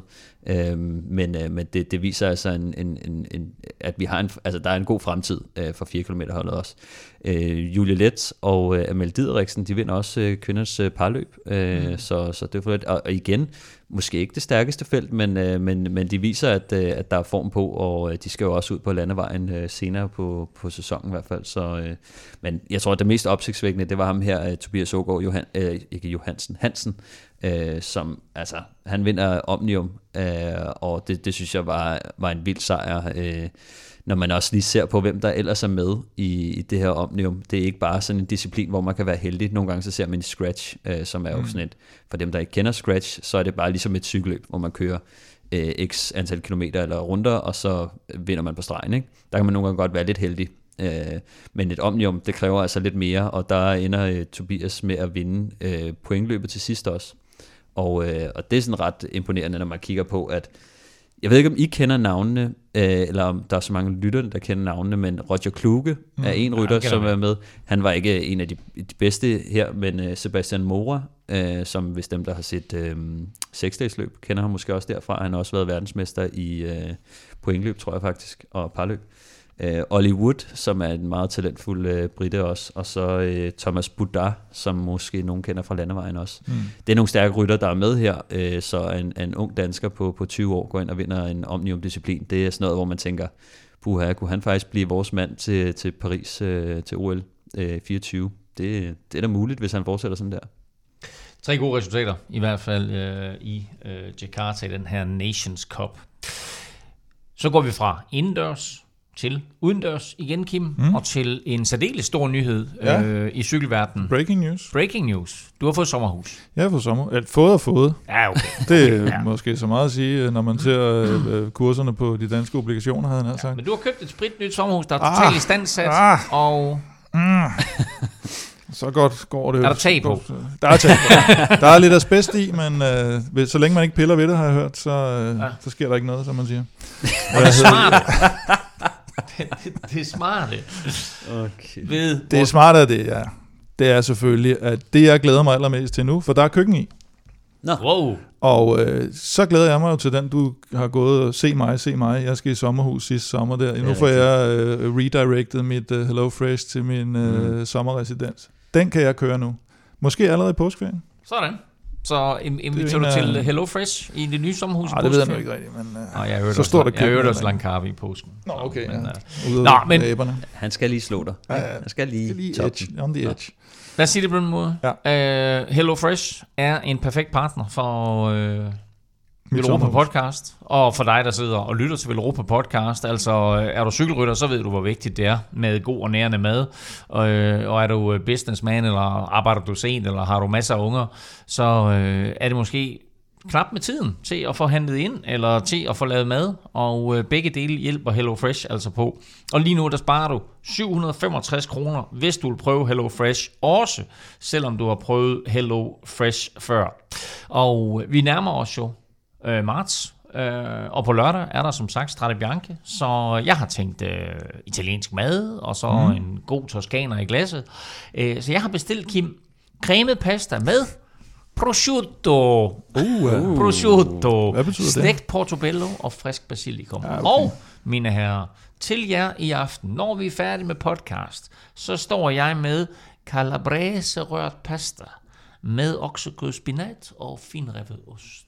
Uh, Og så giv måske, Bellissimo. måske også få lidt toskaner i glasset, hvis I vil. Ej. Okay. Stefan, har du øh, fået noget lækkert på det sidste? Det har jeg. Jeg kan bare ikke, jeg kan ikke huske, hvad den hedder. Det var noget med noget kylling. Men jeg fortalte dig om den før. Øhm, og det var noget med det var noget med nogle kartofler, man skulle koge, og så ryge noget spinatblad ned i. Og så, øh, nej, det der, var, det der var mest spændende, og noget, som jeg kommer til at tage med mig resten af mit liv, og det er også noget, som, når, at at jeg har lavet Hello Fresh så mange gange nu, det er, jeg har lært nogle ting om at, om at lave mad. Jeg var måske ikke den, den, den bedste kok før, men nu har jeg nogle, nogle tricks, ikke? Og her, der skulle man lige øh, svitse noget chili og hvidløg på panden, og så kommer man øh, noget øh, creme fraiche øh, ned i, mm. Og, øh, og noget purløg. Og det bliver så bare, det er så bare sovsen, og så er der noget kylling, stegt kylling, man kan putte ned i bagefter, og så, så blander man det hele øh, bag, altså til sidst, ikke? og spiser det. Men den sovs der, den, er, den var fuldstændig vanvittig. Altså, jeg, jeg ved ikke... Øh, mm. Den kan alle lave. Du har lige givet dem opskriften. Ja. det, Så- altså, den kan alle lave, og prøv det, fordi det, det, det, det, det bliver magisk. Alle ingredienser kommer i afmålte portioner, så der er ingen spil, og det er super nemt at rydde op, og det er i hvert fald noget, jeg sætter stor pris på. Så prøv Hello Fresh nu. Brug koden VELOROPA23, så får du altså hele 765 kroner i rabat på din første måned. Du kan faktisk godt finde det her tilbud andre steder, men bruger du koden VELOROPA23, så støtter du altså podcasten her. Og husk, at du må meget gerne dele koden med venner og bekendte, så gå ind på hellofresh.dk og brug koden VELOROPA23. Og som sagt, så er der faktisk også en genaktiveringskode til dig, der ikke har prøvet HelloFresh igennem de sidste to måneder. Gå ind på HelloFresh og brug koden RETUR Velropa. Det er altså retur, stadig på dansk, R-E-T-U-R, retur Velropa. Så får du 30% rabat hver uge på de første tre kasser. Så øh, retur Velropa til dig, der har prøvet Velropa, eller undskyld, har prøvet Hello HelloFresh før.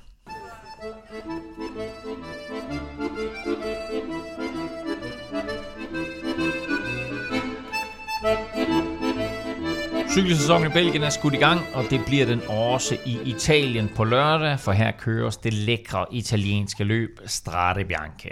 Det begynder og slutter i byen Siena, og selvom det kun er 17. gang, at de hvide veje i Toskana danner rammen om dette løb, så har det allerede opnået stor status, Kim. Ja, jeg tror, altså alle jeg taler med, de siger i hvert fald, at det burde være en klassiker, men øh, der er jo noget med noget, øh, noget årstal og noget historik, der helst skal være på plads, før man, man sådan officielt kan, kan komme i betragtning til det.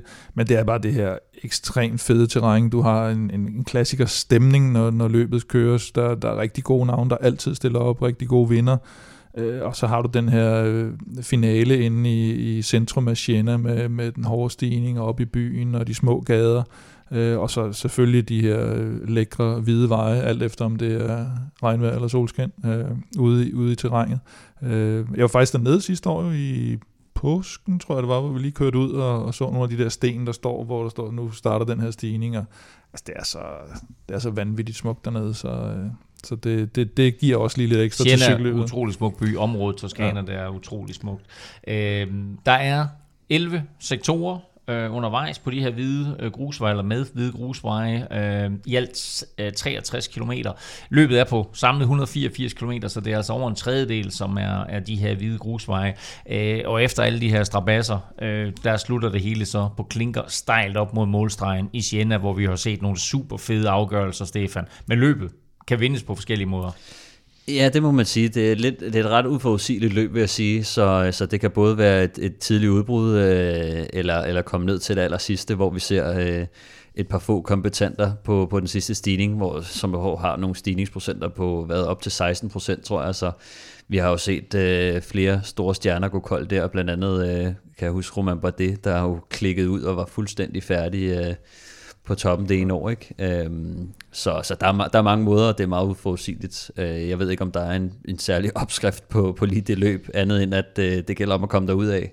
Øh, så på en eller anden måde minder det lidt om, lidt om øh, sådan nogle, nogle af klassikerne, bare lidt mere øh, hektisk, synes jeg. Øh, at at det, kan faktisk, det kan faktisk svare sig at tage initiativ og, og starte løbet tidligt, og derfor bliver det jo oftest et, et godt cykelløb. Og det er jo et anderledes cykelløb, Kim, øh, end, end for eksempel brostensklasserne i Belgien, vi lige har været vidne til. Hvad er sådan de store udfordringer ved Strade Bianca? Ja, man kan sige, at det, det har jo lidt af de samme elementer. Altså nu er det grus i stedet for brosten, men det her med, at du selvfølgelig ikke kører på, på, øh, på, på ren landevej, og, og at det er gruset, der skaber de her udfordringer. Der kommer selvfølgelig også nogle styrt en gang imellem. Ikke, ikke så, normalt ikke så hårdt slående styrt, som, øh, som i som i, på brosten i Paris-Roubaix for eksempel, der, der slår man sig altså lidt, lidt mere, når man... Øh, men for eksempel, øh, altså vejret er jo, er jo en, øh, en stor faktor. Øh, lige nu lover de, eller sidst jeg kiggede, lover de 13 grader sol, lille, lille risiko for regn, men vi har jo både haft den her corona-udsatte øh, sommerudgave, hvor det var over 30-35 grader mm. varmt, øh, og så har vi haft de her mudderudgaver øh, med regnvejr og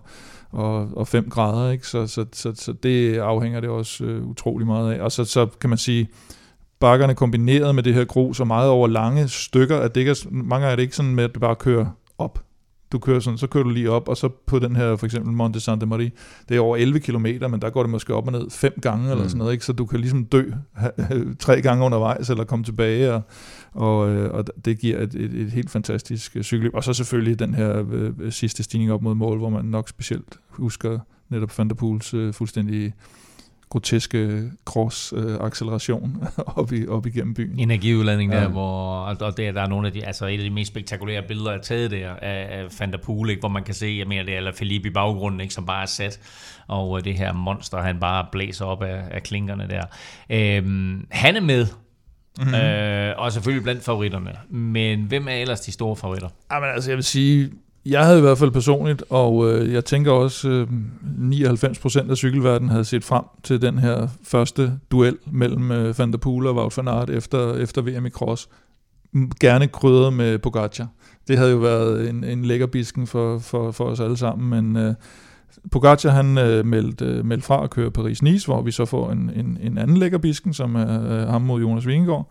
Og så er der så selvfølgelig Van der Poel mod øh, Wout van Aert tilbage, og så meldte øh, Van Aert afbud med sygdom, og, og stiller i stedet øh, til start i, i Tirreno. Så, så Van der Poel er, er nok, eller er den store favorit i løbet. Øh, dertil skal jo så siges, at, at øh, Alpecin de König har fået en virkelig dårlig sæsonstart. Altså de har ikke en eneste podieplads.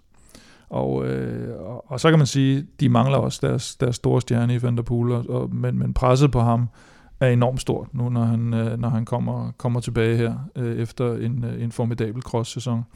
Øh, startlisten er jo ikke helt klar, som det, som det plejer at være, når vi er så, så forholdsvis tidligt tidlig på ugen. Øh, Greg van Avermaet er med, har, har en masse top 10-placeringer, men øh, som vi også var inde på i sidste uge, øh, vinderkandidat er han ikke så meget mere. Lusenko har vist god form nede i Oman og UAE. Øh, Mohodic har vi været inde på, Pelle Bilbao, god i weekenden. Øh, Vlasov blev femmer i Valencia, skal til at starte sin sæson for alvor. Og så Alberto Becciol, øh, vil jeg sige, burde det ligge godt til det her. Ikke? Øh, han, han øh, vinder prologen nede i Tour Down Under, bliver toer på Vilonga-etappen. Og så det her med, at EF har fået den her fantastiske sæsonstart, det giver bare et eller andet til, til, de, her, øh, til de her ryttere på det hold. Øh, og det synes jeg, vi har set flere, flere gange. Tom Pitcock, øh, okay topresultat i, i omløb. Øh, løbet burde ligge godt til ham. Og så har vi ham her, Rui Costa. Helt fænomenal sæsonstart, jo nærmest øh, ikke været så godt kørende, siden han vandt, øh, han vandt VM. Tre sejre allerede. Øh, senest blev han to i, i Drom Classic. De har også øh, Intermarché-holdet her, Lorenzo Rota med, øh, som, som også har fået en god sæsonstart. Øh, Jumbo, jeg ved ikke, om der er nogen af jer, der har hørt om dem her i sæsonstarten, eller i weekenden. Nå, de har ikke fået en god sæson. De har ikke fået så god. Øh, Tis Benot, der jo vandt øh, kørende, har også øh, vundet her øh, før. Øh, og øh, Jan Tratnik så virkelig stærk ud i omløb. Attila Valder, som vi var inde på, har arbejdet godt for, for Jonas nede i, i Gran Camino. Og så er der selvfølgelig øh, Alaphilippe, som jo vinder Ardèche foran Godyr Skelmose, og øh, øh, han er nok, ja, han er deroppe af sammen med, med Van der Poel, vil jeg sige, ikke? Quinn Simmons bliver syv sidste år. Ja, jeg vil sige, nu, nu, nu spiller du lidt ned med Alaphilippe, ikke? fordi at han har lige vundet et cykelløb, ikke? men hvis man så Drum Classic dagen efter, mm. der kolder han på en bark, som så lidt bekymrende ud, vil jeg Det skal han ikke gøre. Det, det, Mod altså, nej, men jeg vil sige, du ved, selvfølgelig en, en, en god, et godt cykelløb, en, en sejr, og, men så lige at brænde sammen øh, dagen efter. Øh, ja, det, det, det er sådan lidt bekymrende, hvis man skal gå ind som stor favorit til, til Strate mod, øh, mod andre rytter, som, som også er rigtig formstærke, så ja, sige, lille spørgsmålstegn der, men, men trods alt har vundet et cykelløb, øh, så, så der burde være noget form på. Og så er det interessant også med, med, med Jumbo, det er ikke netop fordi Thies Benot jo har vundet ja, ja, Strate tidligere, ikke? Ja. og den du talte om, hvor, hvor øh, Roman Bardet var ved at gå kold op af, det var det jo uh, Thies Benot foran Roman Bardet foran Wout van Aert, ja. uh, hvor han jo vinder Thies Benot, det var på det tidspunkt ja. der for en 4-5 år siden, eller 6 år siden måske ja. endda, hvor vi sad og tænkte, okay, ham, han bliver det næste store. Ja, det var 18 øh, i mudderudgaven der, ikke? Jeg synes, at øh, et hold, vi også skal holde øje med, synes jeg, er UAE. Øh, Vellens har fået en fantastisk god sæsonstart. De har Davide Fortemuller med, de har Covid, der også er, er godt kørende. Øh, det er en virkelig, virkelig stærk trio, øh, ja, når, når nu ikke Pogacar er med i hvert fald, for så skal de jo ikke køre så ensidigt, mm. og det vil sige, så har de lidt flere, flere strenge at spille på, og det, det, det kunne godt gå hen og blive, blive interessant med dem. Så har vi været omkring mere eller mindre alt i startlisten. Alt, der alt hvad jeg kunne undtagen, finde undtagen danskerne. Vi, vi, har jo lidt, vi har et par interessante danskere med, og blandt andet en formstærk Kasper P. Ja. Det har vi. Øh, Kasper P., som du siger. Øh, Mikkel Honoré, han skal også til start. Og øh, Kron, øh, Andreas Kron, han skal også til start. Jeg skrev faktisk lige øh, mere om kort, øh, netop om han skulle til, øh, til Strati Bianca, og det sagde han, det, det skulle han, han havde haft en altså lille smule, ja, Andreas ja. Kron. Uh, han havde haft en lille smule sygdom, uh, men han sagde, at det var kun tre dage, uh, så han føler egentlig, at han er tilbage på, på niveau. Uh, han sagde, at han skulle køre Trofeo Laguelia, som han lige ville tage roligt, og så burde han egentlig være, være, være klar til, til Strati Bianca. Jeg, jeg tror også, det, det, det, det ville være et løb, der ligger godt til Kron også, så, så jeg glæder mig faktisk lidt til at se, om han er også en, en rigtig fighter, mm. uh, som, som kan godt kan, som er god til at komme igennem det der svære terræn. Øh, ja, man skal også kunne komme, til, til man skal kunne komme tilbage i det her løb også. Præcis. Du kan godt lige blive øh, skivet lidt ud på nogle af de her grus, og, og så bliver det samlet igen. Og hvis, hvis, hvis ikke du har tålmodigheden til at sige, okay, der kommer jeg ikke med, men øh, så kommer jeg op lidt senere, så, mm. så, så kan man glemme det. Ja. Indtil videre, så, så tror jeg, det er de navne, vi, vi ved af. Men ja, jeg, Kasper P. er selvfølgelig bunden opgave for, for alle Philippe, som han skal ja. forsøge at hjælpe så langt som muligt ind, ind i finalen. Jeg tror, altså Kron han får nok øh, frit slag. Øh, jeg kan huske i hvert fald, jeg snakkede med ham øh, i starten af året, eller var det slutningen af sidste år, hvor han sagde, at øh, hans rolle på holdet var mere fremtrædende nu, øh, især i takt med, at at kan man kan sige, Philip Gilbert stoppede, og Tim Wellens har skiftet hold, så, mm. så var han en af dem, som, som holdet de, de regnede med at, at skulle køre for. Så, så det bliver også spændende at se, hvad, hvad han kan gøre som, som spyd, formentlig spydspids på holdet. Jamen, så lad mig få et øh, hurtigt bud mm. på øh, en vinder. Hvad siger du, øh, Kim? Ja, men jeg tager lidt outsider. Jeg, jeg siger sgu, øh, jeg siger Tim Vellens. Det er et virkelig, øh, et virkelig outsiderbud. Det må sige. Det er, det er et godt bud. Er frisk bud. jeg, jeg, jeg, jeg, vil, jeg vil gerne have taget Alaphilippe, øh, mest fordi jeg bare har glædet mig til at se ham tilbage på topniveau. Mm. Men efter den der Drum Classic øh, performance der, så tør jeg ikke helt gå med ham. Så, så går jeg med den kedelige øh, Van der Poel. Nå, men så overlader du Alaphilippe til mig jo. Ja, så får Ja, du ham. Så, så tager jeg Alaphilippe. Hvem bliver bedste dansker? Ja, men der ved jeg jo godt, at øh, nu har, øh, nu har Stefan jo nærmest malet sig op i et Andreas Kron hjørne, så Ja. ja. jeg er nok nødt til at tage Mikkel Honoré. ja, ja, selvfølgelig. Andreas Kron, han er, han er mit bud. Så siger jeg Kasper P., så siger Alaphilippe bliver 1, og Kasper P. bliver 2. så får de der revanche mod Jumbo i Vi glæder os til på lørdag Strade Bianche, et af vores allesammens nye favoritløb, og det kan altså ses i din fjerner fra kl. 13.50 på lørdag. Øh, nu skal vi til gengæld snakke lidt om øh, det store etabeløb, som begynder på søndag, nemlig Paris-Nice, og det er jo blevet super interessant set med danske øjne og med slovenske øjne, øh, fordi Jonas Vingegaard og Tadej Pogacar begge har vist stor form her i begyndelsen af sæsonen, og nu mødes de altså i Paris-Nice. Bliver det her, Kim, en forsmag på årets Tour de France? Øh, ja, nej. Så er jeg dækket godt ind. Ja, Øh, nej, men altså, det gør det selvfølgelig, fordi at, at det er de to, der er de store favoritter til, til Tour de France, og det er altid interessant at få, få en, øh, en måling af formen på nuværende tidspunkt, men, men det er klart, at de vil jo køre Paris-Nice på en helt anden måde, end de vil, ja formentlig, på Pogacar ved man aldrig, men, øh, men end de vil med Tour de France. Altså hvis der lige pludselig kommer et eller andet på spil, kommer noget risiko, kommer noget dårligt vejr, kommer noget et eller andet, så vil de ikke tage de her store chancer, som i, eller store risici, som de vil gøre i Tour de France, hvor det jo bare handler om, at der, der er du bare nødt til at køre alt, hvad du kan hele tiden. Her der kan de på et tidspunkt spille den lidt taktisk strategisk og sige, okay, fair nok, det er Paris-Nice, det her det er ikke Tour de France. Jeg skal ikke, øh, jeg skal ikke ud og, og, og, og tage de helt store øh, risici. Der kommer formentlig øh, to etapper, øh, som slutter opad. Øh, eller det, det er der, men mm. på, på de to etapper ser vi formentlig øh, det første styrkeforhold Mm. mellem de to.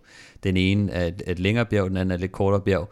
Så, øh, så der kommer i hvert fald to sådan previews på, øh, på noget Tour de France afslutning, hvor jeg regner stærkt med at se Pogacar Ja, og ja. Jonas, fordi de har startet begge to øh, som, som skudt ud af en kanon. Så det bliver spændende at se, øh, hvordan de, øh, de, de griber hinanden an. og, Men- det, og det er jo rent...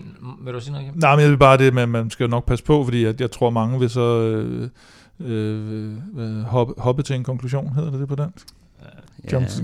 vi forstår, Ej, hvad du men- mener. Ja, men altså, at man siger, nå men okay, øh, Pogacar, var, hvis han så vinder to bjergetapper over, over Jonas i, i Paris-Nice, så, øh, så vinder han helt sikkert også Tour de France. Sidste år så vi dem køre mod hinanden i Tirreno faktisk, hvor Mm. Pogacar vinder foran Jonas, og der blev det så det omvendte i Tour de France. Så man skal selvfølgelig passe på med Nå, at bruge så- det for meget som en Så rettesnor. nummer to, han vinder turen, eller hvad?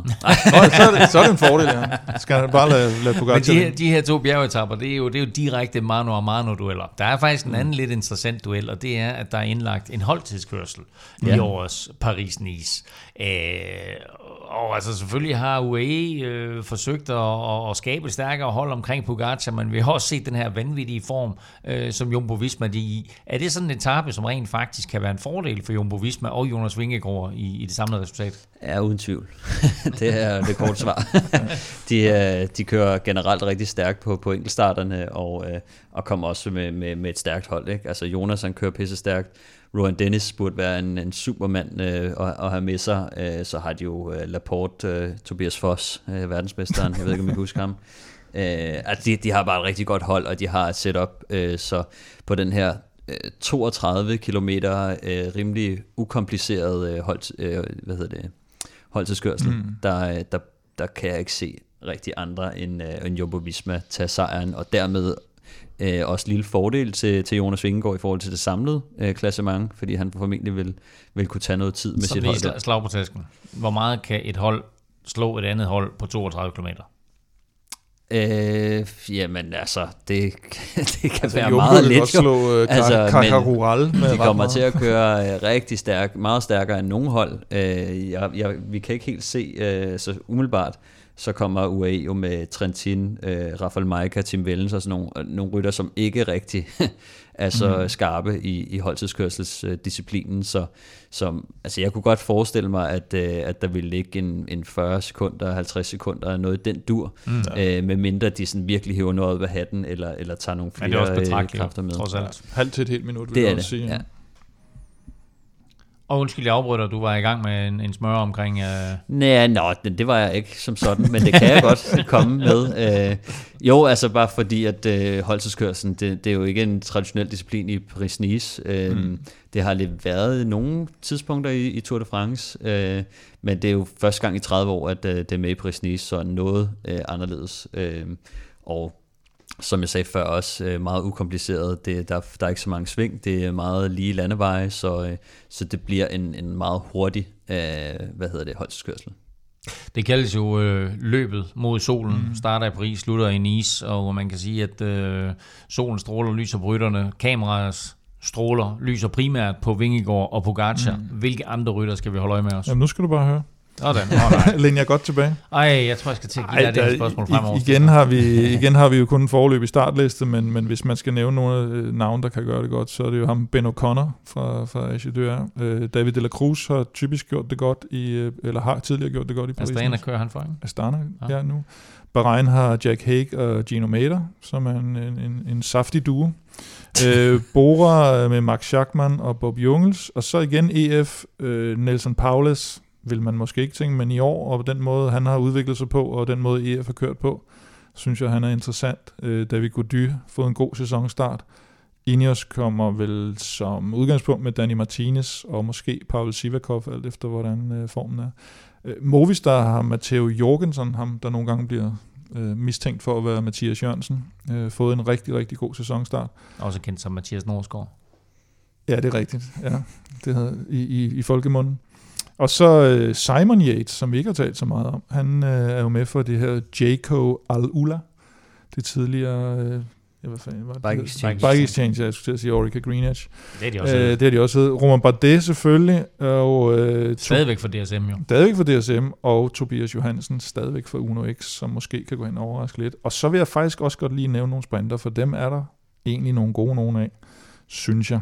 Øh, Caden Groves, Jonathan Milan, Sam Bennett, Brian Kokar, Arnaud Demar, Ethan Hayter, Olaf Koisch, Tim Malier, Michael Matthews, John Degenkolb, Arno Delis, som vi har talt masser om, og Alexander Kristoff. Det synes jeg godt kan blive lidt interessant. Også fordi der måske bliver lidt sidevindskørsel, og det er nogle lidt, lidt hårde drenge, dem her faktisk. I Ja, sprinter, bare, bare, bare rigtig stærke navne imellem i hvert fald. Hvad, hvad med danskere? Hvad er vi med der? Øh, vi, har, vi har faktisk en del, og en del af de gode med. Øh, Søren Krav skal med for, for Alpecin. Vi har Kort, der skal med for EF.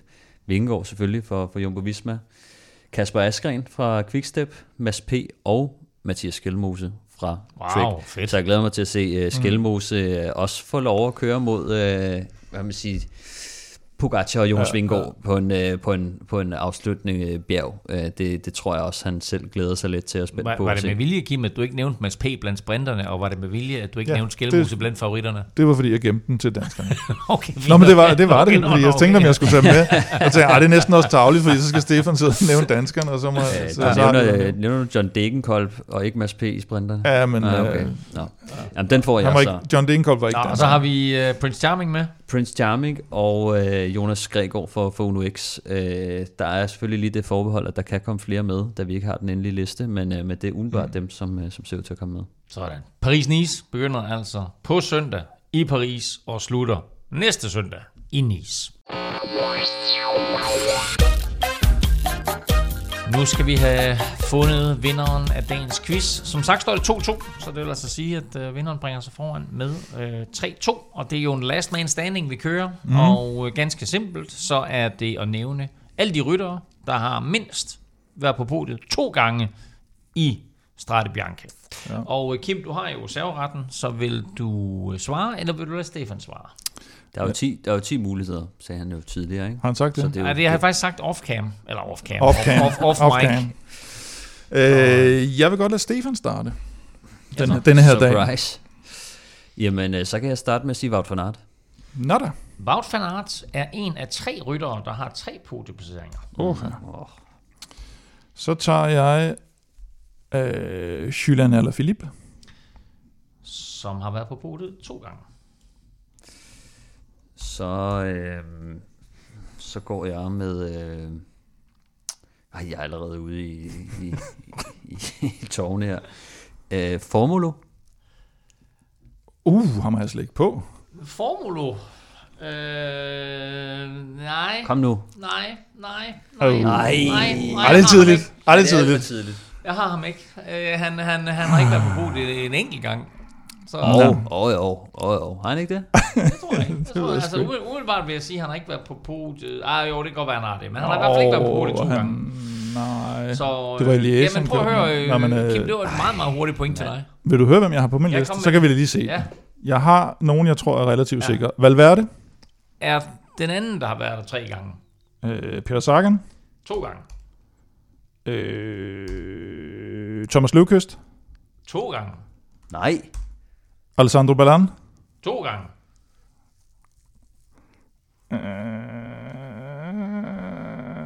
Ah, nu begynder jeg at blive bøvlet. Hvor mange er Sagan. tilbage? To gange. Nej, Jamen, ham har jeg så. Stellen ikke Stibar. To Ham har jeg gange. ikke, ham har jeg ikke sagt. Jeg har, van Avermaet. ja, ham har jeg faktisk To som gange. næste. Ja. Kwiatkowski. Ham har jeg også To på gange. listen, ja. Og Maxim Iglinski. Ej, to gange. ham har jeg ikke. Hvad, Og, var det eller noget? og Alessandro. Det har han sagt, jo. Ballan. Ham har jeg han også også sagt. Ah, okay, fint. Hold ja, men det var dem.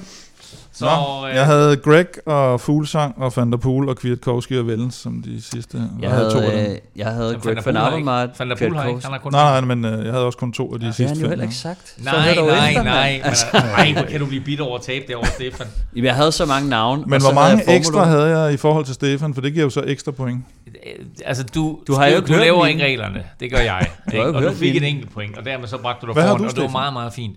Og Jeg skulle prøve at sige det, men øh, Han er Hvad vil du gerne altså, sige? Øh, er højtaleren Kom derovre. så, lad mig høre. Jeg sagde, jeg havde Wout, Ballan, Stybar, øh, eller Philip Kwiatkowski Hvorfor tager, hvorfor tager og du Greg ikke, Van Avermaet. hvorfor tager du ikke, jamen, hvorfor tager du ikke dem i stedet for Fordi jeg Formulo? troede, at øh, den var stensikker. Jeg flyttede faktisk med Mathieu van der Poel, havde jeg på i starten. Den flyttede jeg så helt ned i bunden. Fordi jeg tænkte, nej, han havde, det han kunne, havde have, sgu det en. kunne have blevet en meget sjovere quiz, hvis nu du havde fyret ja. nogle af dem der af. Nå. Så er jeg blevet bange. Et Lav en point bedre quiz. til Kim, der er foran med 3-2. Vi er tilbage i næste uge, hvor vi kigger øh, tilbage på Strade Bianche, og jo også har fået de første etapevinder både i Frankrig og også i Italien, hvor Tirreno Adriatico jo skydes i gang mandag. Mere om det løb i næste uge.